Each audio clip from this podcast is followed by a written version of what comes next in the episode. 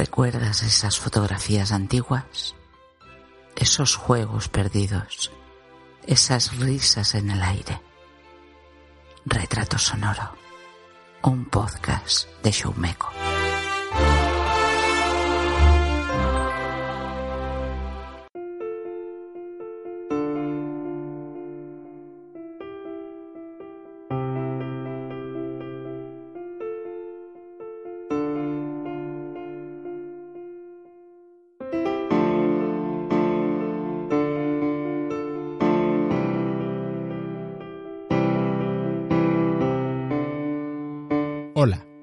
Estás escuchando el retrato sonoro de Manuela y el campanario protector. En el anterior capítulo de Retrato Sonoro, el de Alejandro con Corea hasta el fin de sus días, me dijiste que te habías quitado muchos prejuicios con este hombre, con Alejandro Cao de Venós y la causa que defiende. Que habíamos tratado política sin pretenderlo pero de una forma extraordinaria. Que lo habías escuchado un par de veces porque nunca te dejaba ni una brizna de duda el escucharme, el escucharnos.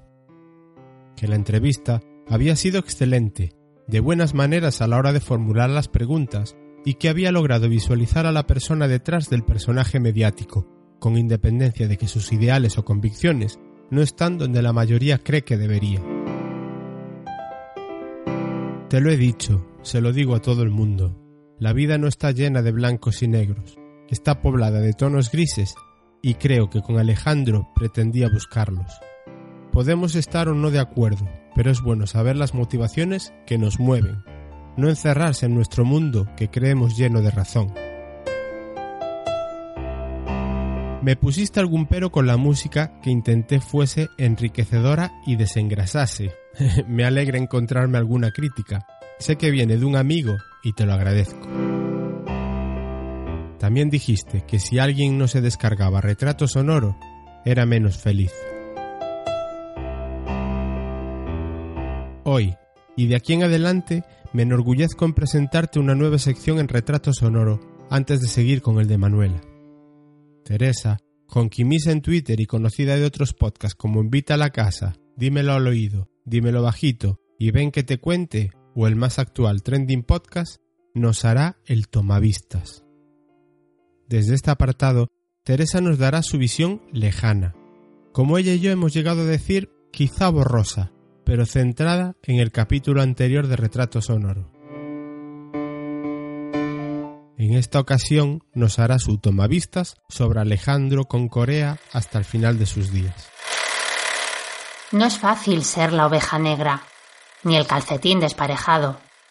Oponerse a la corriente supone un esfuerzo extra que no siempre uno está dispuesto a hacer. Más que nada, porque nadie te garantiza que el camino menos transitado sea mejor.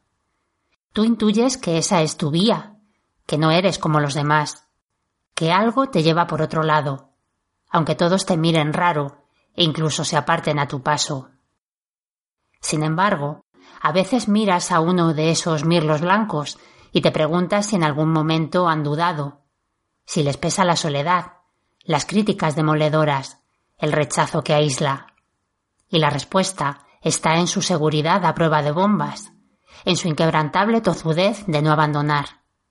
Nada ni nadie les sacará de ese sendero, por muchos empujones que les den, por muchas burlas que les hagan. Da un poco de miedo esa determinación contra viento y marea. Quizás porque pone más de manifiesto nuestra propia maleabilidad, la firmeza no tan firme de nuestras convicciones, la vulnerabilidad ante la idea de que nos miren más de la cuenta y nos señalen con el dedo, y nos provocan una extraña mezcla de admiración y temor. Y puede más el temor, así que corremos a rebujarnos un poco más a gusto en nuestra merecida y ganada a pulso zona de confort. Gracias, Teresa. Hoy escuchas a Manuela. Es una zamorana de la comarca de Sanabria, de pura cepa, vaya, del mismo lago que da nombre a la comarca, donde nació hace ya más de 70 años. Hoy Manuela te va a contar cosas sobre un hecho que ocurrió hace muchos años, el próximo año 2019, pasado mañana, tampoco hay que cogerse una tardis para viajar en el tiempo, no te despistes, hará 60 años que ocurrió su tragedia, la tragedia de Ribadelago. Hoy nos cuenta su vivencia, sus recuerdos tristes y otros que no lo son tanto, pero que atados a la catástrofe y lo que significó, vienen a su memoria. Ay, la memoria, la misma que la transporta a un momento de lenta digestión como es el recuerdo de ver desaparecer casi por completo un pueblo entero, casas tragadas por una garganta de agua y a 144 de sus vecinos de golpe. Esa memoria hace también que se acuerde de los momentos en los que fue feliz con toda esa gente. Lo hace más llevadero, lo hace más triste y duro. No sé qué opinarás tú después de oírla. Hoy, en el retrato sonoro de Manuela, no encuentras a una mujer sentida, a una mujer que se reboce en la melancolía. Manuela, ya lo notarás en su voz, es una mujer de carácter, de chispa, muy impetuosa. Nos contará a su manera todo lo que sucedió la noche del 9 de enero del año 1959 y sus días posteriores. Lo que vivió sobre todo ella en sus huesos, lo que puede contarnos de otras personas que teniendo una vida por delante, un torrente de agua interrumpió, debido a imprudencias y al mal hacer. Contarás con una voz de fondo, lejana, la de Mari, una conocida que hace acto de presencia de vez en cuando y que planchando manteles aportaba datos que conocía y que servían a Manuela para seguir adelante con su a veces duro, a veces tierno relato, aunque los años hacen que pueda contarlos con ese carácter, con ese tono que te decía antes y que parece haber marcado una situación de este tipo. La llegada de Mari resulta natural e inesperada, en la línea de las muchas entrevistas que habrá de retrato sonoro donde la espontaneidad será predominante. ¿Por qué planchaba Mari? Porque la entrevista se hizo en el Hotel Martín, a pie del lago de Sanabria, en Lago Nuevo, propiedad de la familia de Manuela. Gracias a su yerno Ángel Velasco, que amablemente me puso en contacto con Manuela con la intermediación imprescindible de Felipe Lubián. ¿Qué quién es Felipe? Si conoces NTT Podcast, ya lo sabes. Os recomiendo una lectura. Delfín Rodríguez Sanabres de Pro escribió 9E, la noche que pasó aquello, un relato profundo y riguroso de lo que sucedió ese día. Habrá como siempre notas al pie, y en una encontrarás algo especial, un relato, una leyenda, una premonición. A Manuela esto le enfada, sabrás por qué. Lo escucharás con la voz que para mí hace mejor este tipo de cosas en el podcasting actual y gran colaborador de Retrato Sonoro, Felipe. Raijaen. Puedo contar contigo para todo y siempre estás. Gracias. Hoy, como siempre, darle las gracias a Merche, a Rosalía y Ana por tirar de la cuerda que dará sonido a las campanas del podcast de hoy, a Emilio Souto de Loureda por saber exactamente cómo se afinan para que su tañido suene fuerte y vigoroso. Ven, Subamos al fallado, a la guardilla de recuerdos de Manuela, porque va a saber colocarnos a mí y a ti en el sitio más privilegiado. Quizá nos suba al alto donde estaba ese campanario que la salvó y que consiga hacernos ver el retrato de una época, el retrato sonoro de una tragedia, el sonido de unas campanas salvadoras, de unas campanas premonitorias y de unas campanas legendarias que serán coprotagonistas indirectas de este audio.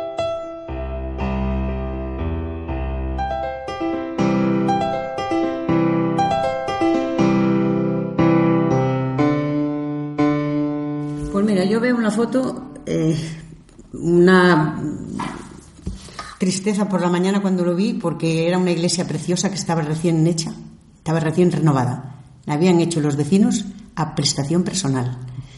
Eh, quiere decirse que la prestación personal es cada uno lo que podía. Si uno podía ir a echar unas horas, eso, el electricista, el carpintero, el otro, o sea, así estaba. Y dio una pena, me, da, me dio pena, porque claro, ves una cosa, pero claro, llevo la iglesia, llevo todo lo que pilló por delante. O sea que, y claro, veo esa, esa iglesia con bastante pena, la verdad. Ya. Eh, de hecho, una de las cosas que pueden llamar más la atención es ver ese carro y el carro ahí empotrado. y, y, y, en el carro empotrado y la fachada intacta, ¿eh? Sí. Eso ¿Eh? estaba la bien fachada hecho. intacta, que no la, no la tocó ni una piedra. Ya. Estaba, vamos, igual que está ahí abajo ahora puesta. Vale. Está. Esto viene porque vamos a hablar del tema de, de la catástrofe de Riva del Lago y quería que me contaras, eh, bueno, no sé si puedo Sí, sí, tutear, tutear, sí, sí, sí, no, o, cómo no. o tal. ¿Cuántos seres, qué recuerdos tienes de cuánta gente podía vivir en el pueblo antes de la catástrofe? Antes de la catástrofe, mm, mira, unos años antes mucha, porque estaban los empleados, había mucha gente empleada y mucha gente trabajando de otros pueblos, de- sobre todo de Salamanca, de Beja, de por ahí, mucha gente, y de, de todos los sitios, ¿eh? gallegos, de todos los sitios había. Pero des- ya en esa época, que era como era enero, la gente también había marchado en, en vacaciones y ya éramos menos. Pero de todas las maneras, ya te digo que habría unos 400, ponle 450 habitantes, por lo menos.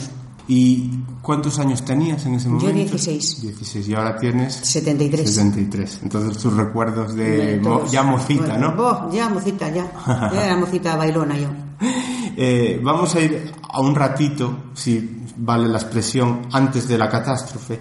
¿Y, y qué recuerdos guardas de esa vida antes de eh, que pasara todo lo que vamos a Pues hablar mira, después? yo re- recuerdo esa vida, mm, una vida distinta a la vida que se empezó ya a vivir después. Yo veía una vida que nosotros teníamos allí el salón de baile, que hacíamos aquel baile, que lo pasábamos tan bien, que no había tantos lujos, tantas cosas y qué bien se vivía y qué bien había llegaban las fiestas del pueblo que era San Juan. Había una, un- un- una pradera grande con unos castaños. Ahí se hacía, allí venía el gaitero, la música, las señoras vendiendo caramelos. Aquello era un, vamos, era esperar aquello porque no había, era un- una emoción y se vivía con, con aquella alegría y aquella cosa.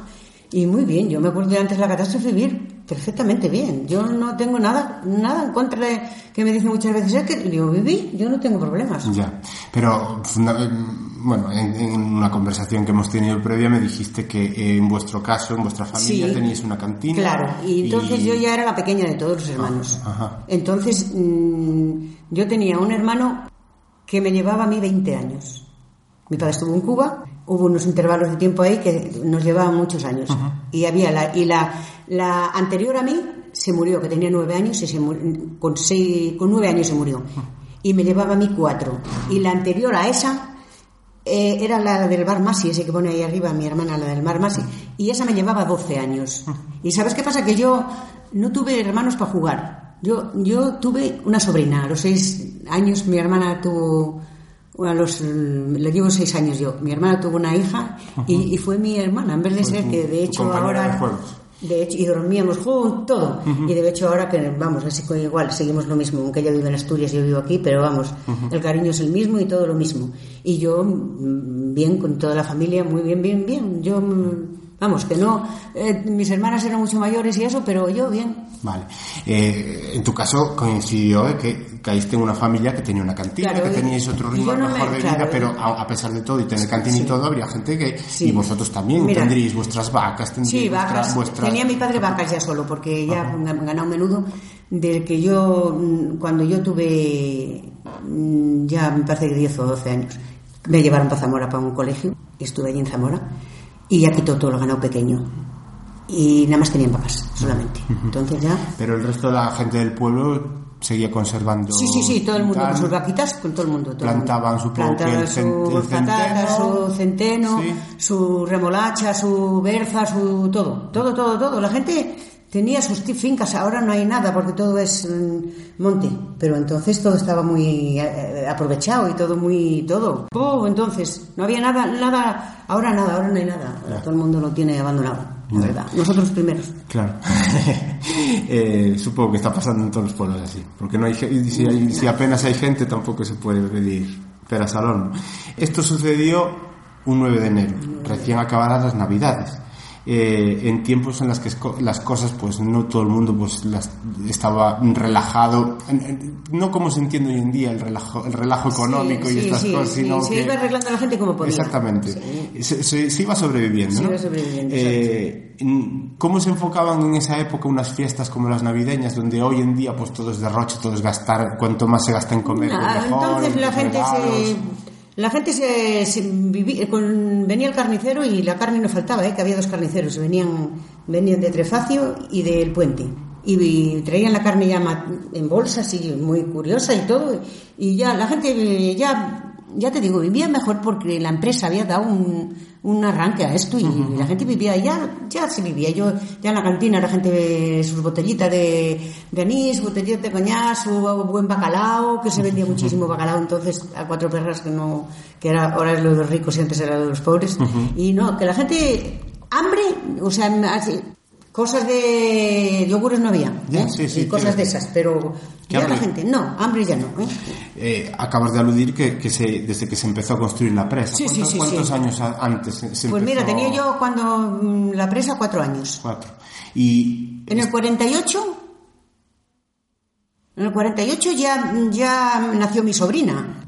Y mi, mi so- mi cuñado vino de Colmenar de Viejo de Madrid, de Borriquero, de alrededor de, para subir el- el- los, los materiales arriba al pico. Pues estaba ya, entonces cuatro años tenía yo. Tengo 73, mira. Y me estás diciendo entonces que, que- que emplearon a mucha gente Mucha del pueblo gente, y- mucha. Y, vino incluso gente de fuera. ¡Uf! había, mm, pero miles de personas, ¿eh? Había miles de personas arriba en la, en la, eso, la llevaban luego los pueblos cuando venía el sábado, porque entonces era el sábado, no era el viernes. El sábado bajaban, los llevaban en camiones, los repartían por los pueblos, iban haciendo la ruta y los dejaban a todos los que no se- los que eran de los de la zona de Sanabria y los que no tenían aquí eh, alquiler, o sea, barracones y tenían donde alojarse, que la empresa hizo barracones y los alojaban, o sea que la gente sí, sí, bien, mucho gallego había. O sea que digamos que hasta el 9 de enero la, la presa fue una bendición. Sí, la presa hasta el 9 de enero fue una bendición, porque porque la verdad había dado dio mucho que comer. Ya eh, el año antes ya la gente ya ya la fueron trasladando para otros para otros Otras que tenían la empresa mismo y eso y ya no fue no era lo mismo pero la empresa dio la mucha vida no arriba del lago solo ¿eh? a San Martín a Vigo a Murias a Trefacio hasta Monbuey ¿eh? mucha gente mucha mucha Y toda esa gente, mm, ya desde tu punto de vista como trabajando en una cantina, por lo que me estás diciendo, la gente hablaba. Y supongo que habría gente o hay gente que trabajaba en la obra que Sí. se estaba dando cuenta que Bueno, había yo algo no se estaba el, haciendo episodio, el episodio más, más claro que yo vi, o sea, que, que lo vi, que lo vi, que lo hablo con Nosotros teníamos la cantina aquí y arriba vivía un señor que se llamaba Zapata, no me olvido. Era gallego, era de Vigo. Y era de Rodio.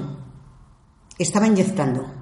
Marchó el día 20 de, el día 20 o el 18 de diciembre, más las navidades. Y ya para marchar, porque ya no volvían, porque y entonces mm, estaba hablando con mi padre allí y le dijo, le dijo mi padre, ¿qué? Zapata, ¿qué tal la presa? Porque ya se rumoreaba ¿no? que la presa estaba mal. Y le dijo, pues mira Martín, te voy a decir la verdad. Inyectamos el cemento y sale para la mitad de la presa. O sea, el cemento sale en la mitad.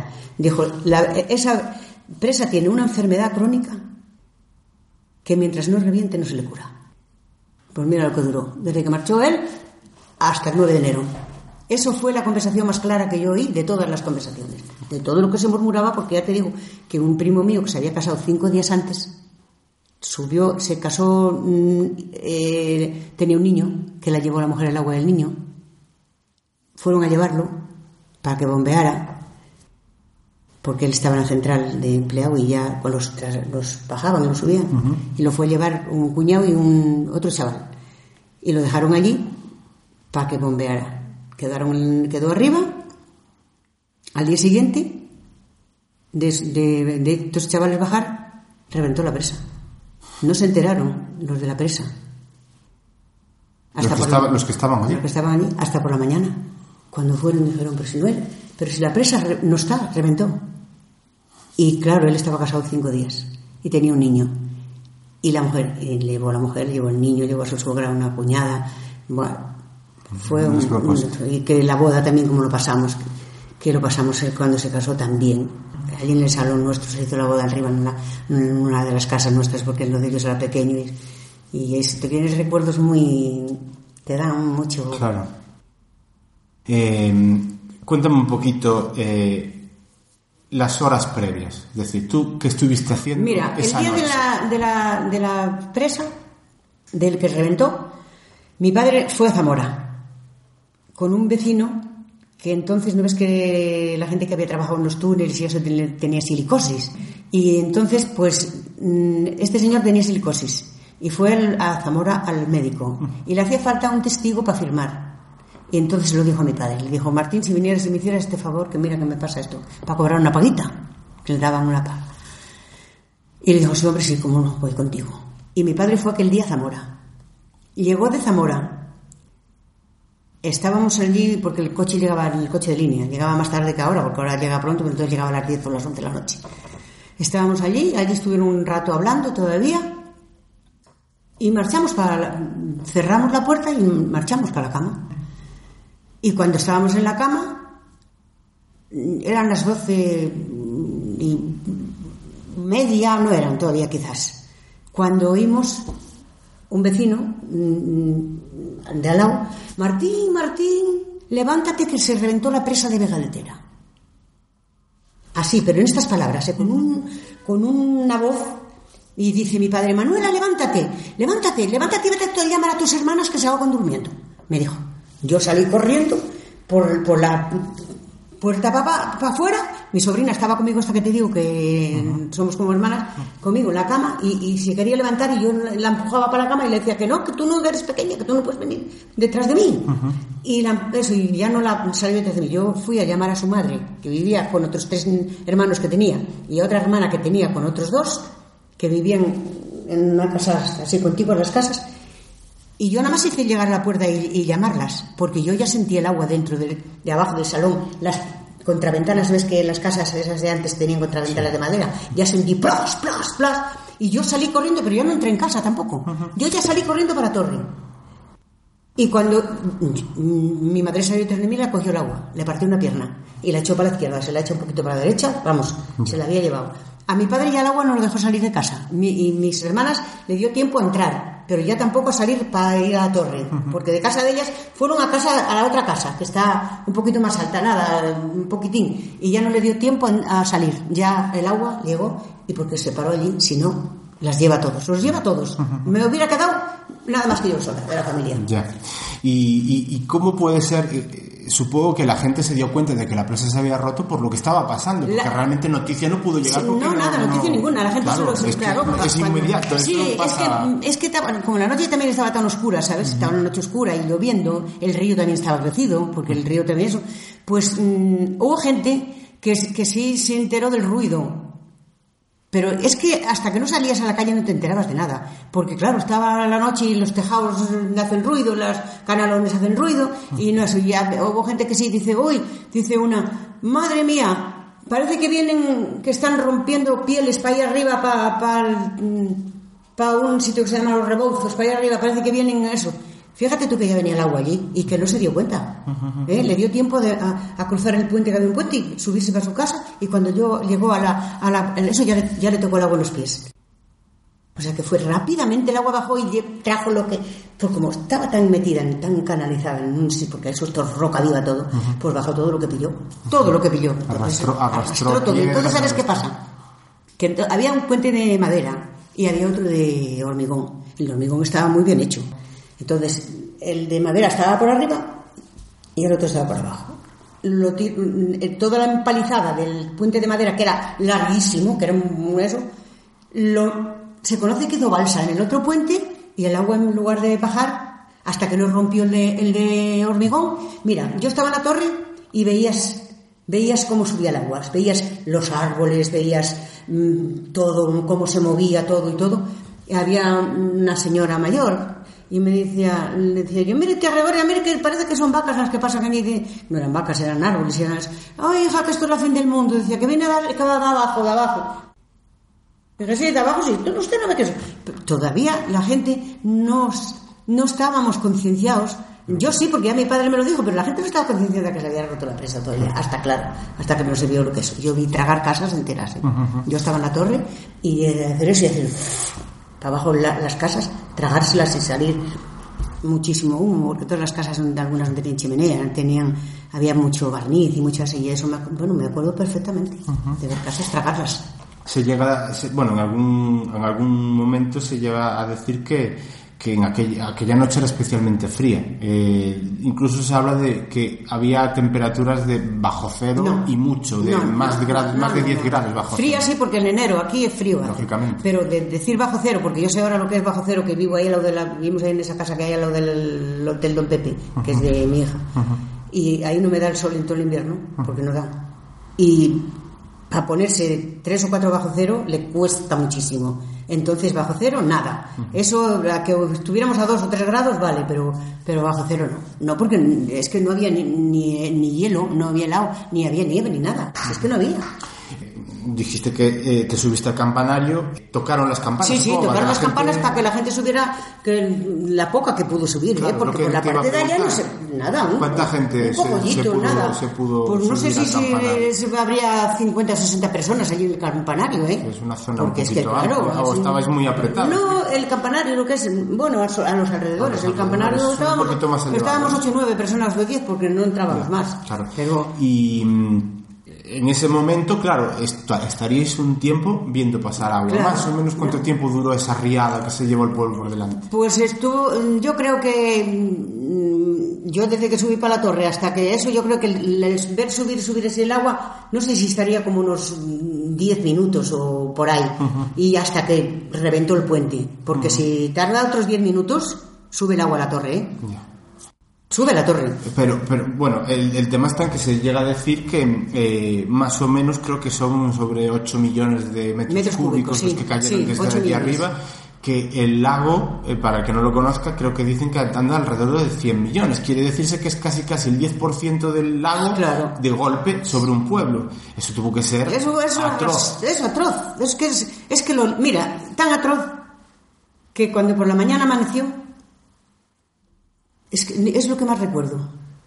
Que, parecía que estabas en otro mundo. Que aquel mundo eh, tuyo que se había desaparecido.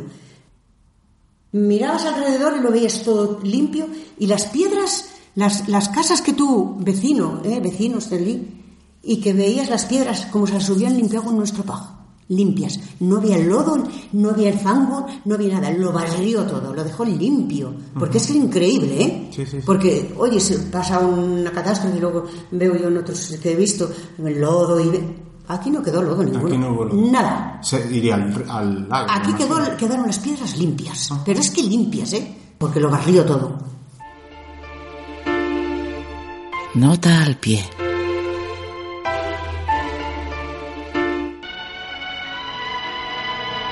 De 12 de la noche a 1 de la madrugada del viernes 9 de enero, la presa de Vega de Tera no pudo resistir la presión del agua acumulada por las lluvias y se produjo en ella una rotura, quedando inundado el pueblo de Riva del Lago y destruido en más de su mitad. Las casas se desplomaron sobre sus moradores, muchos de los cuales se hallaban durmiendo, y quedaron sepultados entre los escombros de las viviendas o bajo los montones de rocas, mientras otros eran arrastrados hacia el lago.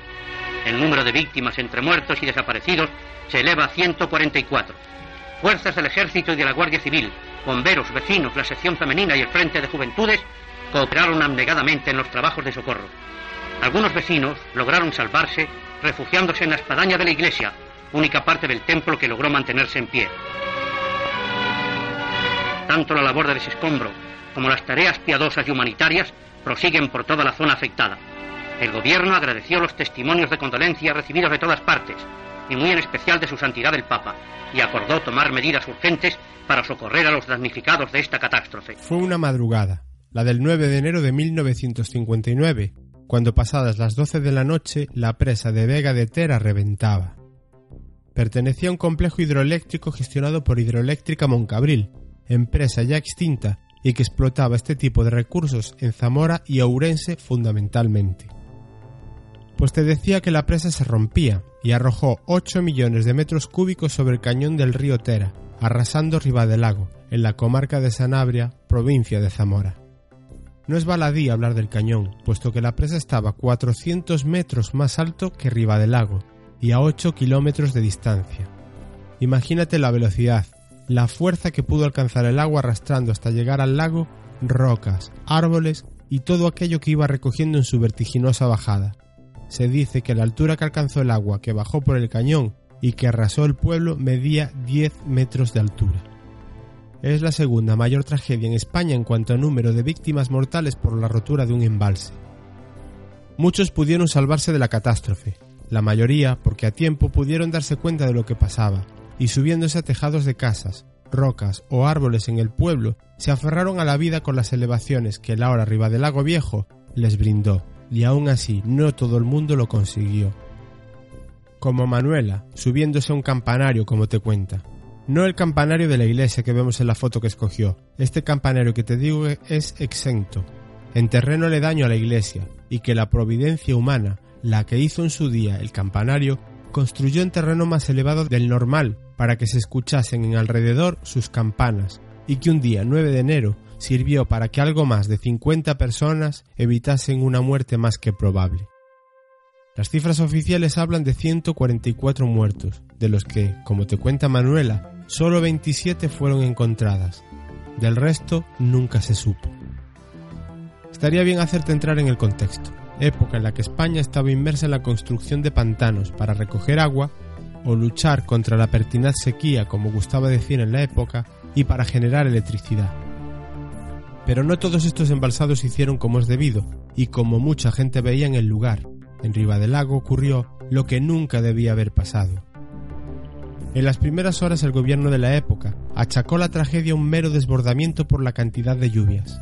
La realidad fue bien distinta. El embalse de agua reventó la primera vez que se llenó de agua al 100% de su capacidad. Se dijo, y como podrás escuchar a Manuel en breve, hubo multitud de muestras de solidaridad. Ejército español, Guardia Civil, Ejército americano, instituciones sociales de la época. El caso es que gran parte de la ayuda se quedó por el camino. Se dice que del 100% de ayudas que se decían se estaban movilizando, menos del 25% llegaba al pueblo. El juicio se realizó en marzo de 1963 en Zamora. A la empresa hidroeléctrica Moncabril se le condenó a pagar 19.378.732 pesetas. Como fallecieron familias enteras y emigraron vecinos, parte de las indemnizaciones nunca se pagaron o se dejaron de cobrar. La conclusión del juicio fue que las deficiencias en la construcción por los materiales empleados, las bajas temperaturas y las fuertes precipitaciones fueron los responsables de la rotura de la presa de Vega de Tera. Se condenó al gerente de la empresa, a dos ingenieros y a un perito como responsables directos de las obras, a un año de prisión menor por un delito de imprudencia temeraria. Recurrieron y al año fueron indultados. Te invito a que indagues, que averigües cosas. Hay imágenes muy identificadoras con la tragedia. El ciego que tiene en brazos a un niño. Detrás de esa foto también hay una historia terrible. La mujer con un niño, también en brazos, y que con el paso del tiempo se convirtió en estatua para conmemorar los 50 años de la tragedia. Esas imágenes os las pondré también en el post del podcast en retratosonoro.es y enlaces a vídeos que os cuentan más cosas sobre Riva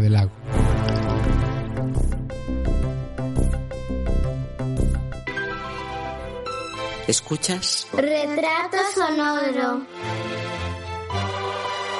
Ese momento en el que para de caer, de, de venir agua, esa Sí. tromba de agua, ese, ese minu- silencio ese minuto Eh, posterior. ese silencio que se mm, que después de que de que mm, ya apareció mm, o sea se vio que el agua iba por por su sitio la gente de un barrio al otro aquello era una un- aquello era un dolor todos preguntando oye si mi padre oye si mi hermano oye si porque claro había gente con la y era un dolor oír a la gente claro porque claro pues no, pues tu hermano no está, pues ya allá cuando se hizo recuento y tal, pues falta fulano, por falta mengano, por falta, falta toda esta gente y faltan, por eso te digo 14 familias, pero ¿quién dice que 14 familias, por Dios? Muchos de los que sobrevivieron tuvieron la fortuna, supongo, de estar en las partes altas de la Mira, casa. algunos que sobrevivieron es increíble, porque había dos se- señores viejos, mayores, un matrimonio mayor que tenían ya por lo menos 85 años, cada uno.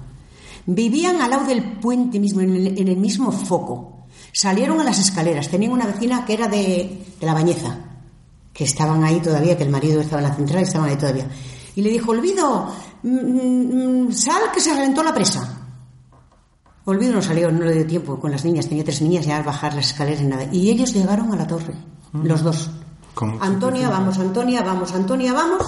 Y llegaron a la torre los dos. Es increíble, ¿eh? Y gente más, de mucho más acá, más, más metidos para el pueblo, la- la- los llevó. Los llevó. O sea que es increíble, ¿eh? De los pocos que se libraron, de los pocos, yo creo que los únicos, ¿eh? Que se libraron en lo que es lo que llevó. Lo que llevó, lo que vino eso, que llevó. Digamos que, que el pueblo, dentro de lo que cabe, el pueblo tiene una amplitud que supongo que tendría una zona muchísimo más dañada y otra a lo mejor que casi ni llegaría. No, si es que dañada no quedó nada, sí lo llevó todo. Se lo llevó- o sea, no hubo nada, Nada. que quedara en es que, ruinas. es que mira, quedó, se lo tragó. Quedaron, quedaron dos casas allí, en ruinas, nada más. Lo de- se lo limpió todo. Bueno, eh, no sé si tampoco habría mucha gente viviendo en mm, zonas bajas que posiblemente hasta estarían durmiendo y ni se No, no, no enterarían se enteraron, la gente, la mayoría no se enteró. La que se Nada, quedó en el sitio, Nada, no. los que, eso no, el pueblo, mm, más o menos todo estaba así, eh, así alrededor y un poquito en el centro inclinado, o sea, hay un poquito de eso. La gente no se enteró de nada. Ya.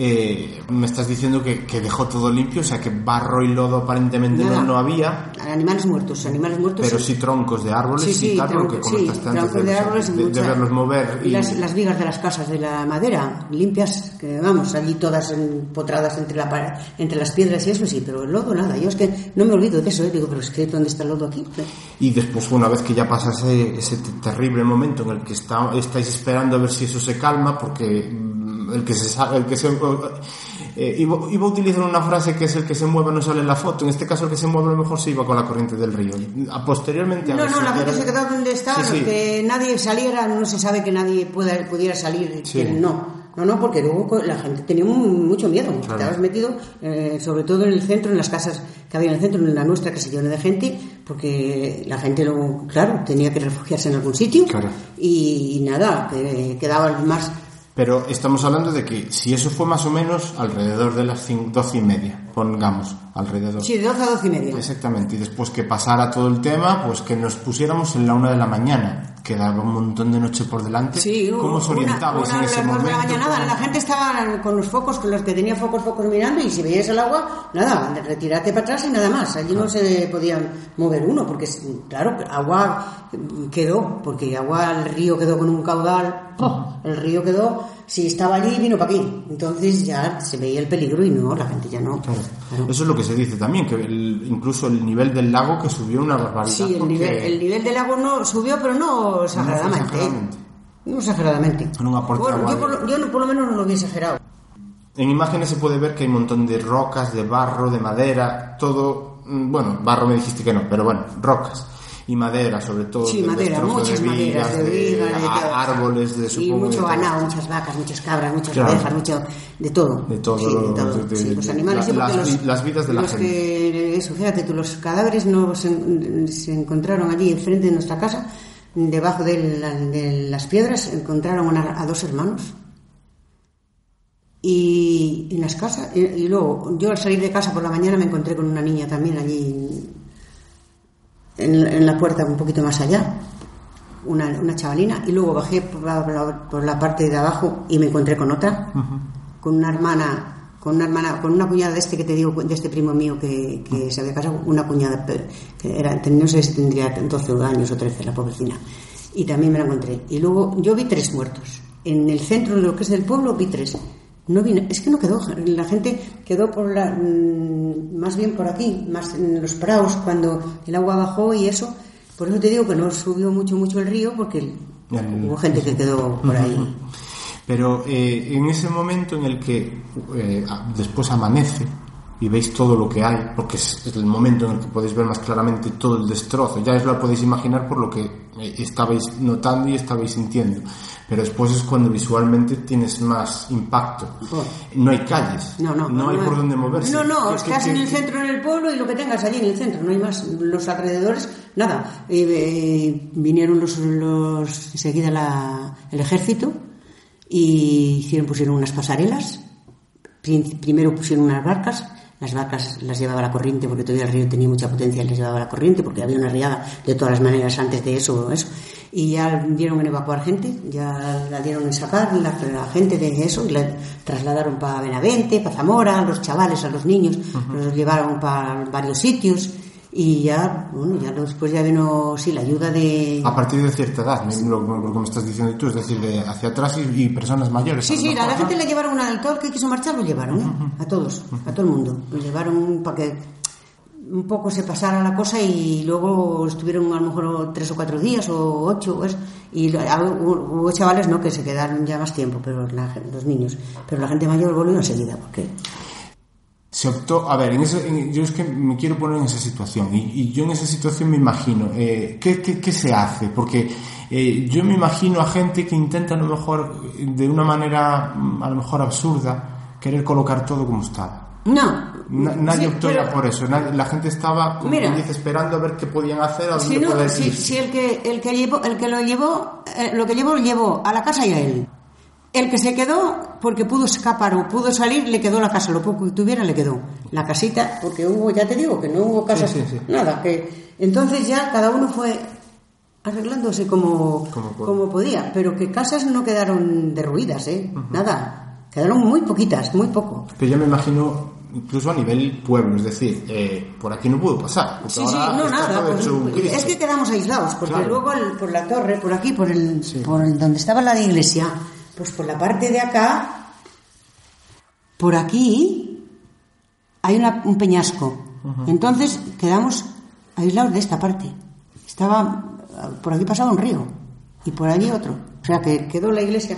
La iglesia que, que estaba para aquella parte pa- quedó aislada. Nosotros que estábamos para acá quedamos aislados. No podía pasar, no, no, se- no había nada más que un vecino que viviera por aquel lado.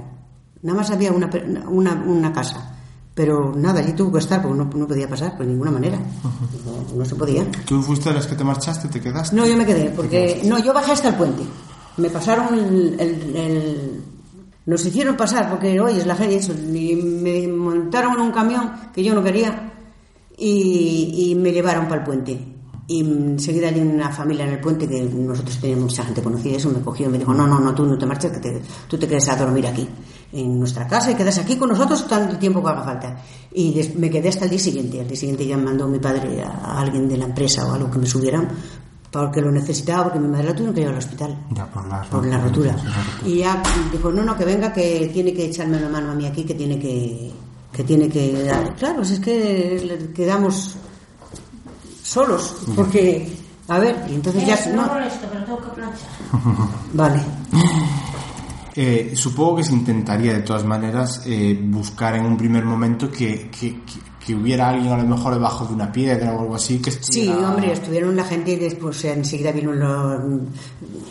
Ya se movilizó todo lo que eso, y gente de los pueblos y todo, y seguían. Pero si es que no, no veía sitio donde hubiera quedado nadie. Ya. Sí, como quedó tan limpio todo, no veías No había que posibilidad no había posibilidad de de, ver. Pues aquí debajo, nada, nada. Y después eh, ya hemos dicho que andabais por más de 400 y pico personas, mejor cerca de 500, y que fallecieron 144. 144. Volvemos a lo de las 14 familias. Se dice que pertenecían a 14 familias. Eh, en tu, tu punto de vista no es Por mi punto de vista no es ese, claro, ni mucho menos. Que más gente. Muchísima Más más, gente, pero mucha más, hombre. Más mucha familias. más, sí, por mucha más familia que 14 familias. Todo el mundo entonces en el pueblo al final, entre los, los que sobrevivieron y entre los que se murieron, a, todo, a todas las familias le tocó algo que fuera de manera más indirecta. Es decir, en tu caso mm, afectó a familia A directa familia. tuya o a una parte de la familia un poquito más lejana. No, un poquito más lejana. Primos, primos carnales. ¿Cuántos? Primos carnales mm, por parte de, de una, una que estaba casada con un primo mío, porque tampoco ella era directa. directa. Y los hijos. Y otros niños también de otra prima, pero nada más. Porque una prima mía también quedó allí, la cogió el agua y, y tenía, había, tenía una niña chiquitina y la niña se ahogó. Y fueron, la sacaron de- del colchón a la niña y ya estaba ahogada. Y la madre la recogieron y bueno, la madre se pudo salvar y la niña no, porque era muy chiquitina y, y se ahogó. Pero familia directa nada. Sí, primos sí, pero ya también no directos, directos tampoco. Ya. digamos que entre, dentro del drama Sí. que vivisteis, pues ah, mm, pudisteis Sí. decir, bueno, por lo menos Sí, no se llevó a nadie, nadie de la familia si es- duele porque la Pues de- situación es que fue de las pocas familias que de las pocas familias que quedaron que no le tocara la- la- eso por eso te digo que vamos qué me dices tú 10 14 familias ¿Y qué pasa que llevó a 10 personas de cada familia 14 por 10 son 140 ¿no? Ujú, sí. entonces no no eso es una Ya. Hasta ahora nos has contado parte de tu historia. Eh, ya mientras hemos llegado hasta aquí, has, has mencionado el caso de tu primo que estaba recién casado, de la pareja de señores mayores con 85 Sí, años que fue 85 capaz de, o sea, por un lado y por otro, o sea, la parte de, de tragedia que tenía, el tema de, del recién casado que tenía su mujer y a su hijo o hija. Y, a lo- y, la parte afortunada de dos personas mayores que teóricamente pues te- Mira, tenían todas las papeletas. bastón, vamos Antonia vamos Claro. Antonia vamos Antonia y Antonia fue Claro, eh, pero me gustaría que si recuerdas alguna historia también más de otra gente que recuerdes especialmente, mm, que, que digas tú, jolín, pues qué, qué- qué- qué frustrante saber que a esta persona o a esta otra familia le pasó esto cuando mm, pasó. No, la es que no. que gente que, que, que, mm, que dijera, mm, escapé porque me porque ya me daba la o que pude salir de casa. Que es que no, es que, que- es que no, No. es que los llevó. los- Claro. hubo- había un matrimonio que estaba la nuera con ellos, que entonces no, eran, no estaban casados todavía, era la novia del hijo, el hijo estaba en Galicia, que estaban en Moncabril trabajando. Y dice que salió, ya ella fue a pasar un rato con ellos de noche y, y salió al balcón, así el balcón que tenían para bajar a un corral, para salir ya, para, para casar, ya me marcho. Y ella se dijo, no espera, mujer, que temprano, no vamos. Y le dijo, uy, mm, mire que, uy, qué ruido siento, siento un ruido para allá arriba. Mm, no sé por qué ruido, parece mucho aire. Y dijo, eso, tú tranquila, que eso ya es cosa vieja. Que no, que no, vamos, vamos, vamos. Salió, vamos, vamos, vamos. Ella se salvó y a ellos ya no les dio tiempo a salir. Pero, como, vamos, en 100 metros. Ya. ¿Eh? O sea, que fíjate.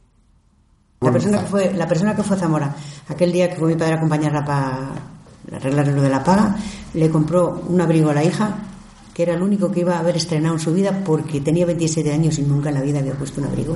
Eran muy pobres, la verdad, y no eso. Y se lo trajo, y aquella noche me dijo, el padre que se llamaba Gabeno, me dijo, mira Manuela, le traigo un, un abrigo largo. Me acuerdo que se lo vi, me lo desenvolvió y lo vi. Mira, le traigo un abrigo largo para Clementina. Dijo, porque la pobre también tiene derecho a algo la vida. Y ya no pudo estrenar, porque aquella noche la- llegó el agua a ella le abrigo. ¿Eh? ¿Qué te parece? Con una mujer con 27 o 28 años que tenía. Y no, claro, no es que no, no había posibles. Pequeños placeres que se perdieron con la Claro, vida. claro, es verdad. Es que me gusta eh, que la gente visualice, y, y contigo es con quien podemos conseguir visualizar algo que en un primer momento como que se quiso esconder, tampoco se quería dar una difusión. Ahora es con los años cuando la gente Sí, parece como pero que... No, pero yo lo conté, a mí me han mm, hecho muchas entrevistas, ¿eh? Y yo siempre he dicho lo mismo. Yo siempre he dicho lo mismo, porque es, fue lo que viví y fue lo que vi. Sí, pero yo quiero que me entiendas, estoy hablando del momento. Del la momento, época, sí, sí, la sí, de la, en la época también me hicieron Sí, entrevistas, sí. sí, sí. Sí, sí, sí, sí. A- mm, a- al día siguiente o a los dos días me hicieron una entrevista para la radio y me fui, eso, dije sí, yo fui, me llamaron a un- allí al, al- la empresa y fui a darle una entrevista a los que me la dieron. Y yo digo la verdad, lo que, Sí, sí, yo sí, lo, sí. que, lo que estaba viviendo, lo que viví en aquel momento, porque es así. Eh, entre la gente fallecida que se recuperó, más o menos parece ser que son 27, 28 personas. 27. 27 me dices tú. El resto se quedó en el lago. El resto está en el lago. ¿Qué se siente cuando miras algo tan bello desde un Pues punto que- de vista pues mira, turístico? sí, ahora ya lo has, eh, lo has ido olvidando, pero ya te digo, pero antes un respeto. Yo un respeto, te daba respeto, porque es que tienes que pensar que ahí hay muchas almas metidas. Claro. Está claro. Me llegaste a decir que incluso dejaste de Que beber beber agua. te lo juro. Y, y pescaban, porque pescaba. Pero estaba prohibido, ¿no? En un primer momento. En un primer momento lo prohibieron, pero después ya, oye, que, que no era capaz, ¿eh? Yo decía, no, no, entonces me muero que, que comerlo. Ya. Eh, parece ser que incluso hubo submarinistas especialistas en, Sí, en hubo- este vinieron- tipo de, sí, de temas vinieron- para, para intentar rescatar. Sí, vinieron, muchos- mira, el padre de esta, que era mi padrino, estuvo con ellos, pa- que, le- que le llevó a la mujer y a, a tres niños, ¿no? Eran, eran tres, ¿verdad? Paquito, eran tres. Germán, Pa- Pa- Martín, Paquito y Germán. Y estuvo con ellos, con los buzos que vinieron de Galicia, especialistas en, en buceo, y vinieron, estuvieron muchísimos días ahí, Pero poco sacar. Nada, no sacaron nada. porque ves, en el lago sí quedó lodo. ¿eh? En el lago, el lago sí quedó lodo. Claro. Sí, supongo que incluso hasta el Y, propio... y claro, decían que había un- una cosa imposible. Nota al pie.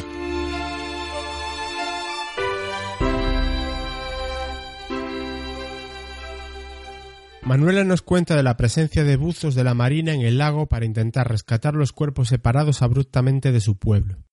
La anécdota que me he encontrado indagando entre toda la información es que un joven de poco más de veinte años, un tal Alberto Vázquez Figueroa, el gran escritor canario, era uno de aquellos buzos que intentó rescatar el cuerpo de algún habitante de Ribadelago, y que con motivo del 50 aniversario era entrevistado para un programa de televisión española, y te contaba esto.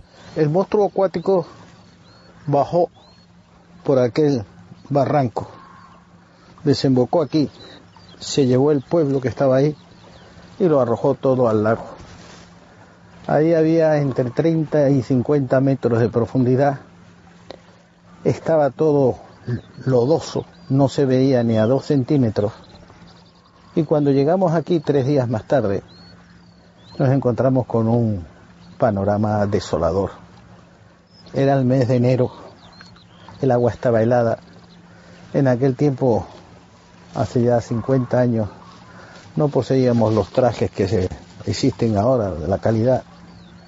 Algunos de los trajes incluso eran peligrosos porque nos podíamos quedar abajo. ¿Y cómo sacar esos cuerpos ahí? Tanteando. No se veía ni a un metro. Recuerdo que de pronto nos pasaba una trucha y nos daba un susto horrible. Íbamos tocando cosas, tocando cosas como ciegos. Tocábamos algo y podía ser un animal, podía ser un ser humano. Era la... y fue la sensación más trágica y los momentos más trágicos de mi vida. A pesar de que luego he estado en siete u ocho guerras y terremotos y cosas de esas. Sobre veías los rostros de las familias, por ahí, cuando salían, esperando. Y teníamos que decir que no, no, no sacábamos nada o sacábamos algo irreconocible. Uno de los pr- principales peligros que teníamos es que abajo había carretas, había cables, había toda clase de objetos y te enredabas con cualquiera de ellos. Si uno de esos cables o una de esas carretas o lo que fuera te rajaba el traje, entonces se te metía el agua dentro y ya te quedabas, te podías correr peligro de quedarte abajo porque no tenías fuerza suficiente. Tal vez encontrabas un cadáver y cogías por donde podía, el brazo, la pierna y la mitad se te quedaba abajo y llegabas arriba con medio cuerpo y, claro, la gente aunque estaba lejos, los, los habitantes del pueblo, pues veían que salía eso y era verdaderamente eh, espeluznante y para nosotros también. Esos estaban ahí sentados en la orilla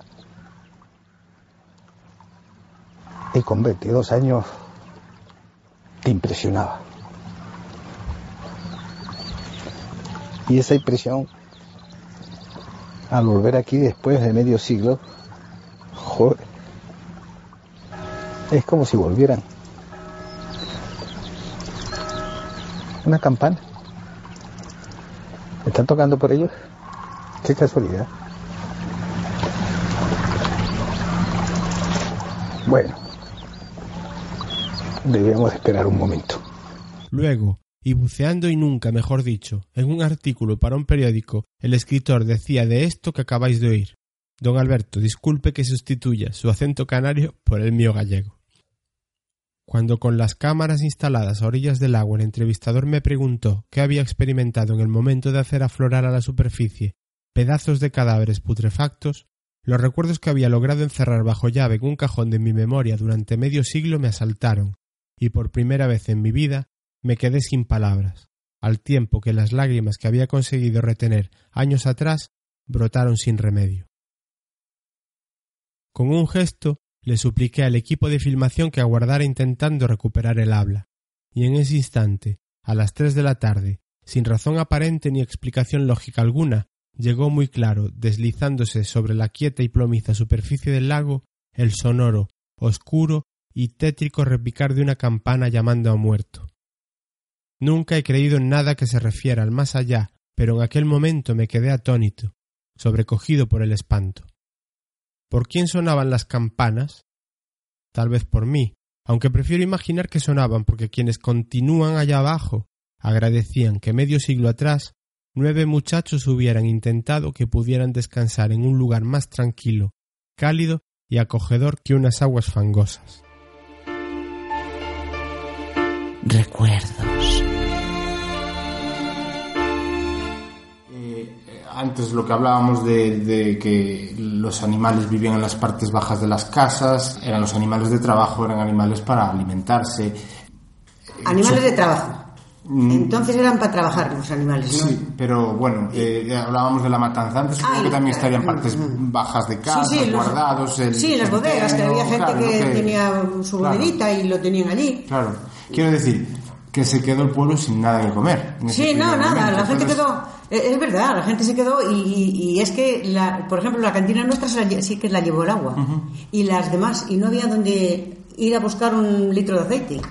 Eso sí, me- lo que pasa es que mi padre enseguida, a los tres días ya, ya repuso. Ya repuso, ya. Fíjate, tenía unas cubas de vino, unos bocois de vino en la calle porque no entraban ya, no, no tenía sitio para meterlos dentro.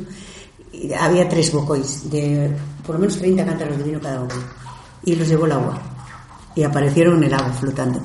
Y luego les regaló uno a los, a los militares. Ah. Le dijo, los militares, este para vosotros, le dijo.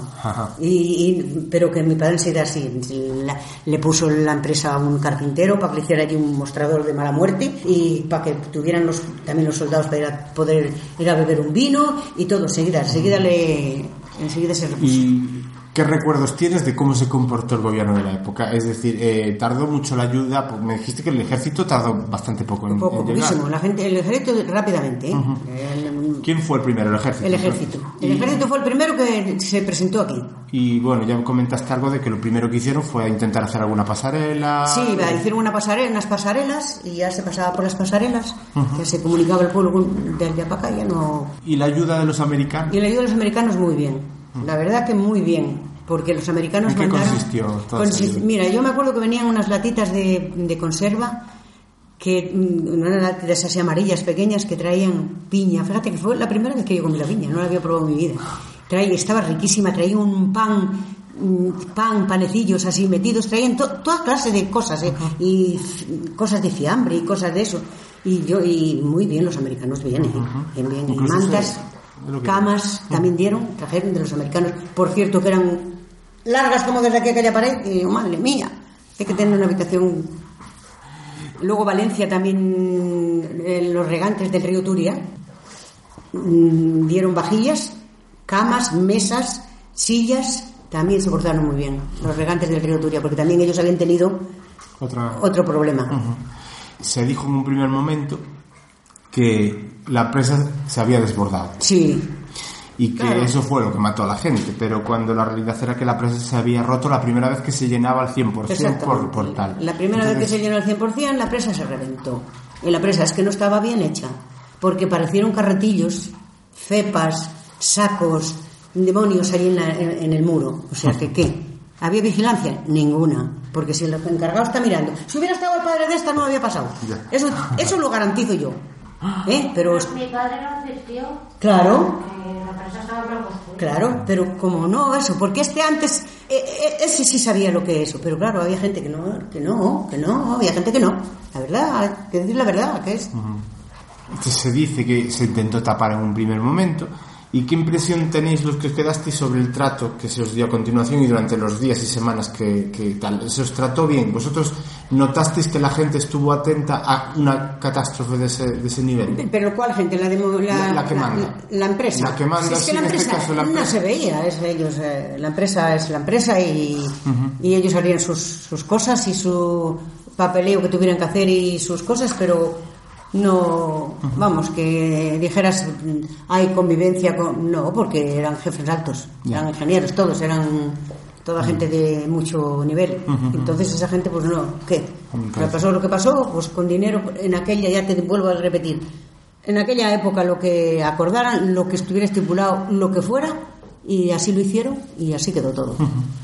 Y después el, el- en, en el sitio, es decir, en, Riva- en Riva del Lago, allí había alguien que tomara decisiones, que dijera, bueno, pues ahora hay que hacer esto, hay que hacer lo otro. Alguien tomaba decisiones en el terreno, todas las decisiones se iban tomando desde fuera y se iban aplicando aquí. ¿Cómo, No, cómo se notaba eso aquí? Aquí mm, el alcalde mayor era el que mandaba todo, el que hacía todo, el que manejaba todo. Si venían cosas para repartir, las llevaban para allá arriba, para Moncabril, y allí el cura las repartía. Y las que no repartía el cura allí, las repartía en otros pueblos el señor cura.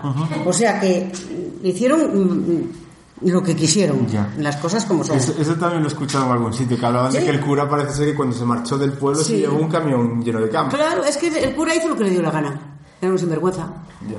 O sea que las cosas como son. Claro. Hay que decirlo la Digamos verdad. que llegó mucha, mucha ayuda, que Llegó valió, mucha ayuda y mucha que se quedó por el camino. perdió por el camino. Mucha que se quedó por el camino. Porque sí, porque se tuvo que quedar por el camino por narices. Mm. Pero claro, eran los actos, era el gobernador, era cuando era antes el que había gobernador, el alcalde mayor, y todo pasaba directamente a eso. Los demás no tenían voz ni voto.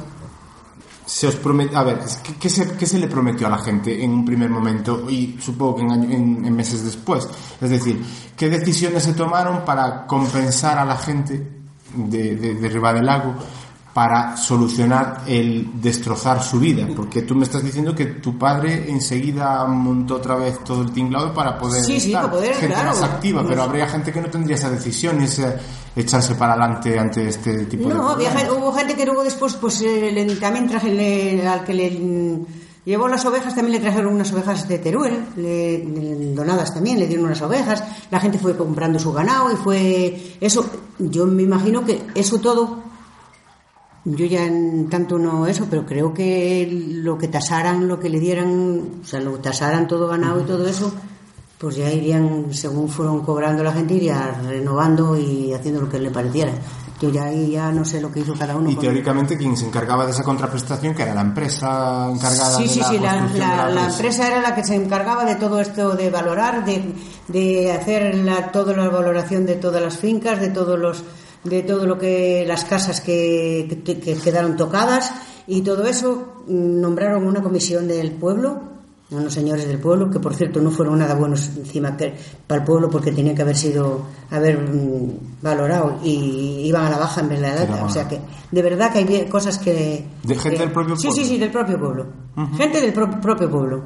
Y hicieron pues valoraron como a ellos les pareció o sea que Y en eso eh, me contabas antes que incluso eh, hubo que ponerle, por desgracia, un precio a los muertos. Sí, sí, claro, le pusieron un precio a los muertos, el que fuera, el que estuviera estipulado, el que el que fuera por ley, el que- no lo sé, eso ya cosa de... Que se valoraba Fueron diferente. 100 y 80 y 60, me parece. Parece ser que se valoraba en función de si era me- hombre, mujer, y Me parece que fueron tres valoraciones las que había, me parece. Ya. Yo como no, eso no lo viví, no, no Ya, sé. no, claro, pero no lo vamos, viviste directamente, Pero pero que sí, que fueron, que- me parece que fueron tres valoraciones las que hicieron. Ya. Que- Si no me equivoco, andaba más o menos, porque antes hablábamos de 85.000, 60.000. sí, 60, 80 y 25, 100. Y 100. O 125, algo así. No sé, yo es que incluso llegué a escuchar 25.000 por un niño. No, no, No, no, más. no, no creo que sí, sí, más, no, por 25 mil, no. Me suena 100, mm, 85 y 60 o algo así.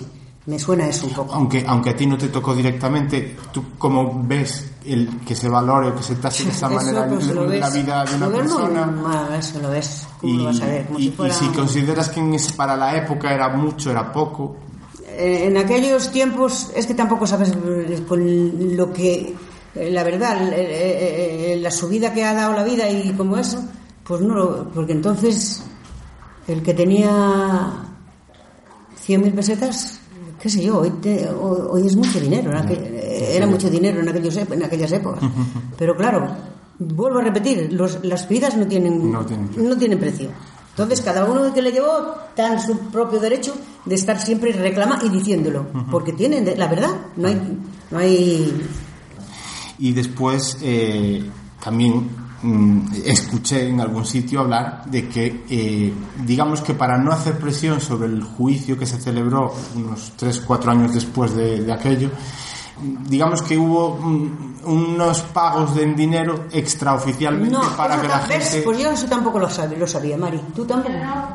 No. Extraoficiales, yo no, nada más he oído decir que le había ofrecido una vez quién, no sé quién dijo, que ya lo ha dicho, lo dice en internet, sí está ahí, y que le ofreció 125.000 pesetas, le dieron o no sé cuánto. Ya dije yo, pues qué suerte tuviste, porque yo eso no lo vi. Ya. Y mucha gente le ha parecido mal que lo dijera, la Sí, verdad. ¿no? Porque claro, y, y la verdad, no. No. Eh, habla- te hablaba antes de- del juicio eh, en el que a los máximos responsables de la empresa esta, ingenieros, supongo que con, eh, ¿cómo se dice? capataces y Sí, cosas no, así. capataces no- no entraron en no el- llegaron no a entraron en el lío, no. Vale. Eh, capataces se, no. se llegó a, a, a condenarlos a un año de cárcel y después creo que un año después se les indultó.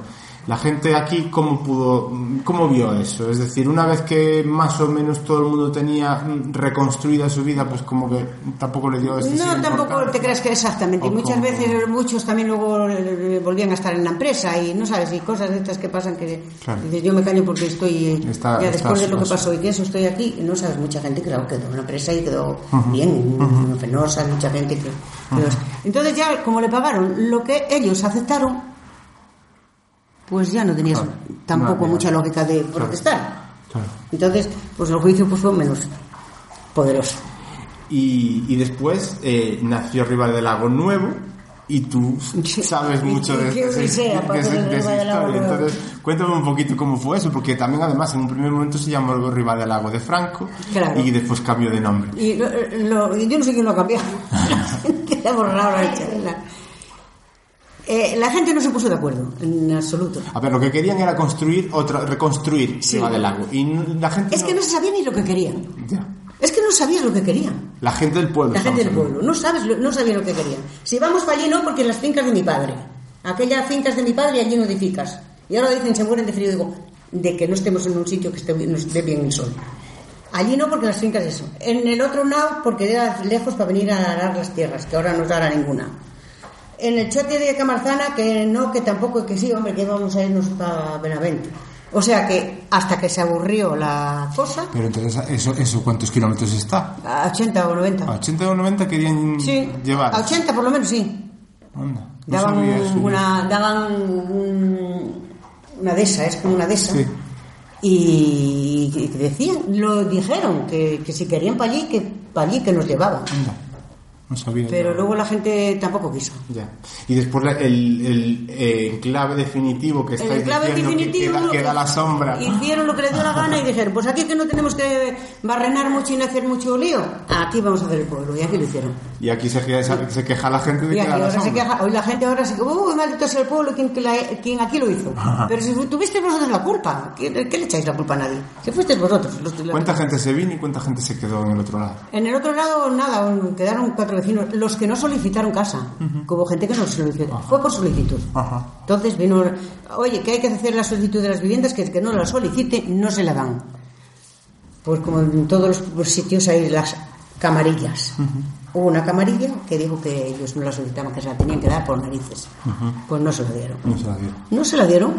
No la solicitaron, no se la dieron. Hicieron las postas, hicieron la solicitud, las casas, las solicitudes que había y después no se la dieron. Y fueron los que quedaron. ¿Y, y qué tuvi- tuvisteis que pagar algo? Sí, sí, sí, las casas hubo que pagarlas, sí. hubo que pagarlas, Esta, ¿no? esta, esta se pagó 140.000 pesetas. Ujú. Dice que se pagó, o sea, se pagó lo que costó construirlas. Dice que se, eso, que las adoptó Franco con un 40%. Dicen. Eso dijeron, pues del Franco Lago de 40, Franco. pero estaban bien pagadas, ¿eh? Que una casa de estas, en- ahora es un- esto es una casa, pero antes no lo era, que esta está reformada ya desde aquí, desde este piso, para arriba está todo tirado de nuevo, ¿eh? Entonces, una- ya la casita, 140.000 pesetas, ya no se compraba un piso en Madrid por 80.000, ¿eh? Ya, ya, ya. ¿Eh? Porque de eso aquí hubo gente que lo compró en Madrid, entonces por 80.000 pesetas. O sea que la casa no la regalaron, ¿eh? Ya, ya, ya. No, eso tampoco. Y, y esa forma de construirlo, ¿qué opináis? Los Pues que la forma de construirlo lo mismo. ¿Sabes, sabes qué te digo? ¿Sabes, sabes de qué, qué pueblo es este? Este pueblo estaba para el plan Badajoz. El plan Badajoz lo trasladaron a- a- al norte.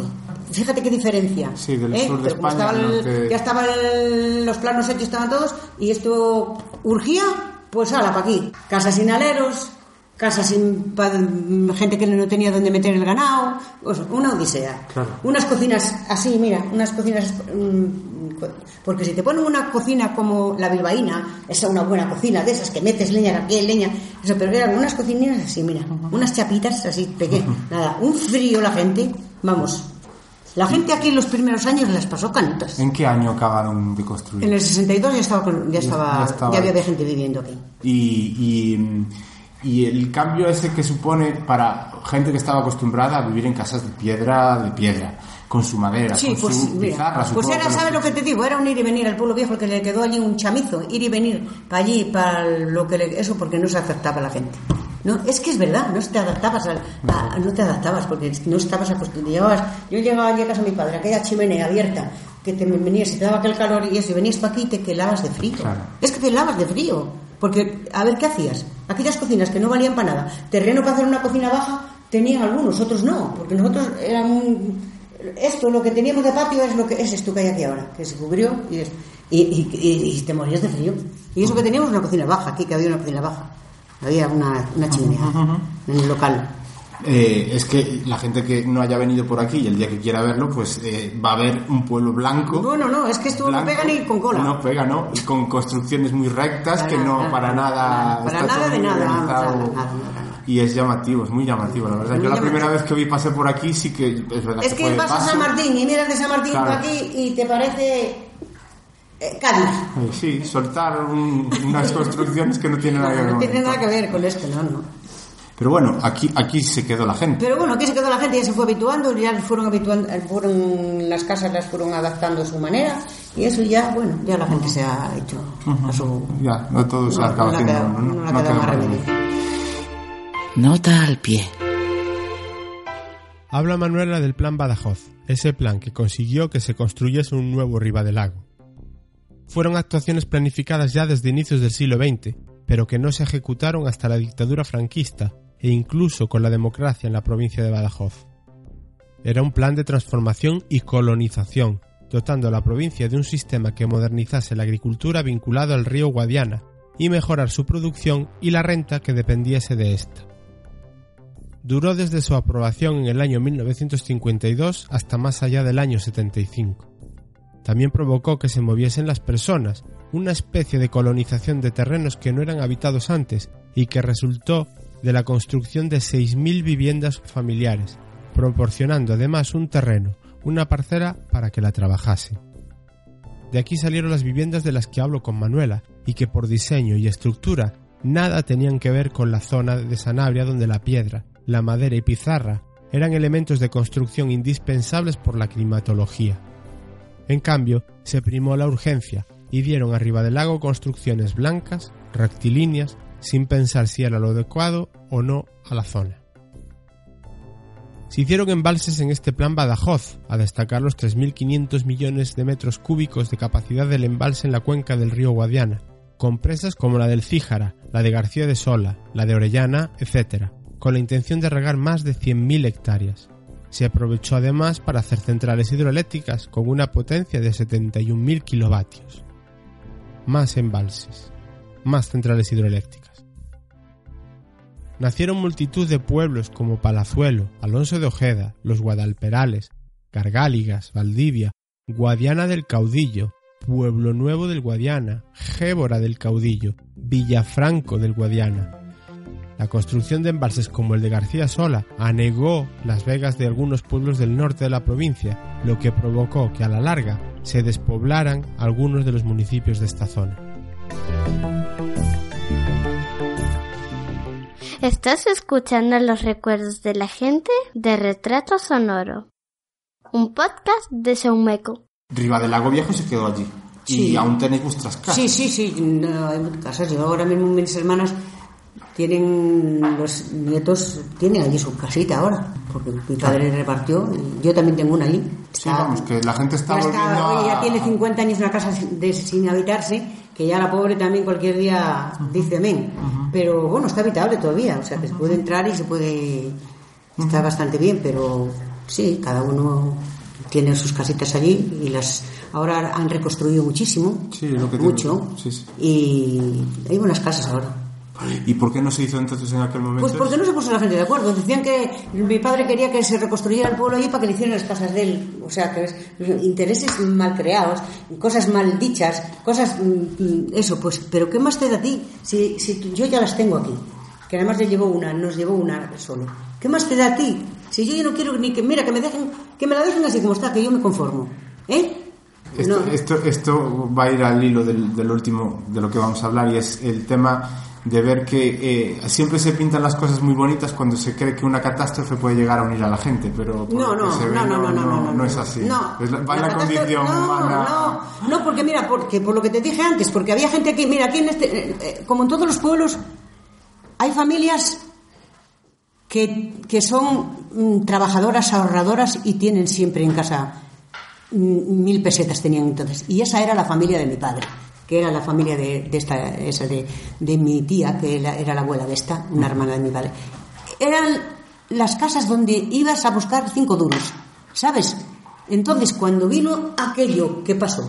Que todo el mundo se vio con diez en el bolsillo, ya era más que tú. Ya era más que ya, pues ya está. Ya no te pones de acuerdo con nadie. El poder del dinero. Yo vi a, una, a un matrimonio que tenía ocho, nueve vivos y- y uno que se le murió. Y estaban, bueno, eran así. El mayor tendría, pues tengo yo, tenía yo 16, pues tendría 22.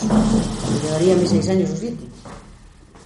Y cuando le dieron el dinero que le dieron, que no le llevó la casa ni nada, pero bueno, le dieron dinerillo y tal. Y me acuerdo de verle una. Tú sí, tú eres gallego, dices. Una fardela. Tú sabrás lo que es una en, la zona, en la zona donde yo soy no se Una bolsa, una bolsa, lo que es una bolsa, no sé a qué le llamamos fardelas. Ya. Una bolsa de esas donde se metía una bolsa, Sí, sí. un saco, lo que tú quieras. Agarró el saquito aquel y tenía el dinero así y le dijo, bueno hijos, vosotros mm, buscaros la vida y eso que yo nosotros para lo que nos resta de vida ya tenemos. Le duró lo que el caramelo a la puerta del colegio. ¿Sabes? O sea, ¿qué quieres que te diga? Hubo familias que cogieron muchísimo dinero en aquellas épocas. En aquello también fue verdad que le llevaron las familiares, porque también se los llevaron, pero también hubo familias aquí que cobraron 800.000 pesetas, ¿eh? Y a los dos años no tenían un duro. Va la condición humana, por lo que se ve. La condición humana. Oh. Y otros, sin embargo, de aquellas mm, 200 o 100 o 400 o las que hicieron, hicieron como mi padrino cuatro veces más. ¿Sabes por qué? La condición humana, es verdad, es la condición humana.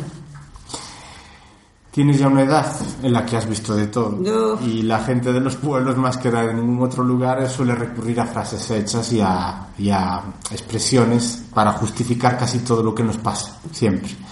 Pero en este caso, supongo que mm, cuando pasa algo como lo de Riva del Lago, como la tragedia, eh, yo creo que no se puede recurrir a eso de que lo de Riva del Lago ocurrió porque tenía que ocurrir. No, es de lo de Riva del Lago sacamos conclusiones positivas. Hombre, también he oído yo, no, otro castigo como el del lago. Ya. Pero bueno, ¿tú de qué vas? Tú- a mí esas cosas me, me- Qué tonterías. Eso fue porque la presa no estaba bien hecha y punto. Las que están bien hechas, mira cómo no han reventado. ¿Eh? O sea que eso está claro.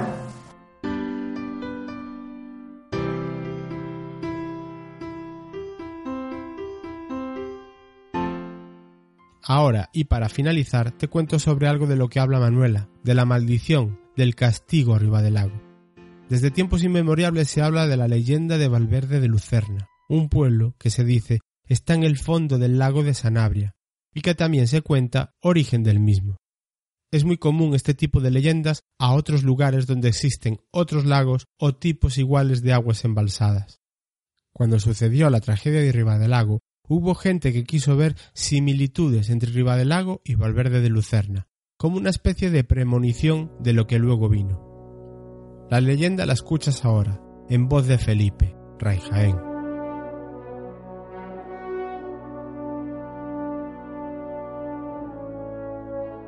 Hace mucho, muchísimo tiempo, en el lugar que hoy ocupa el lago de Sanabria existía un pueblo llamado Valverde de Lucerna, rodeado de tierras fértiles y productivas, donde la gente era egoísta y de actitud poco solidaria y caritativa. Hasta allí llegó una oscura y fría noche de San Juan un peregrino hambriento y cansado. Comenzó a llamar a todas las puertas solicitando cobijo un poco de pan y un rincón junto al fuego donde poder descansar. Pero los habitantes del pueblo iban negándole uno a uno la hospitalidad, temerosos de poner en peligro sus bienes. Cansado, hambriento y aterido de frío, decidió abandonar el pueblo. En las afueras encontró un horno en el que se encontraban unas mujeres cociendo pan. Estas hacen un pequeño panecillo para dárselo. Lo introducen en el horno y cuando intentan sacarlo comprueban que ha crecido tanto que no pueden sacarlo por la boca del horno. Van probando con trozos cada vez más pequeños hasta que finalmente uno sale y se lo dan al misterioso peregrino.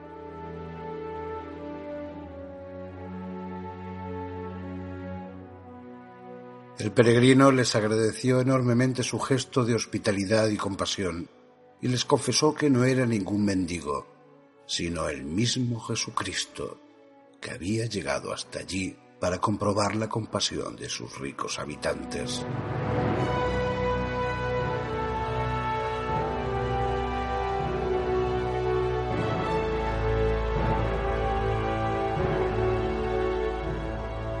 Tal había sido la decepción al comprobar el enorme egoísmo que habitaba en sus corazones que había decidido castigarles, para ejemplo de todos los que en el mundo tuvieran aquel pecado.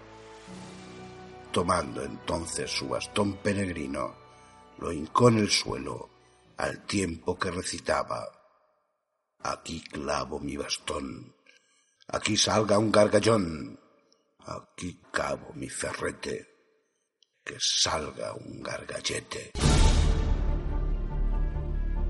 Y advirtió a las mujeres compasivas que huyeran, porque serían las únicas que se salvarían del desastre que se iba a producir. Huyeron con todas sus pertenencias y desde lo lejos pudieron divisar cómo surgía del fondo de la tierra un terrible torbellino de agua que hundió al pueblo de Valverde y convirtió el valle en el lago que hoy conocemos.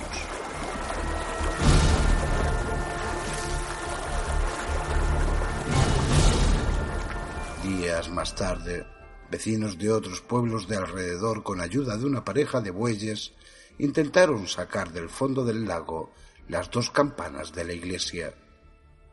Consiguieron sacar una, pero la otra permanece dentro de las aguas. Dicen que el 24 de junio día de San Juan, las personas que son caritativas y generosas oyen el tañido de la campana que reposa en el fondo del lago.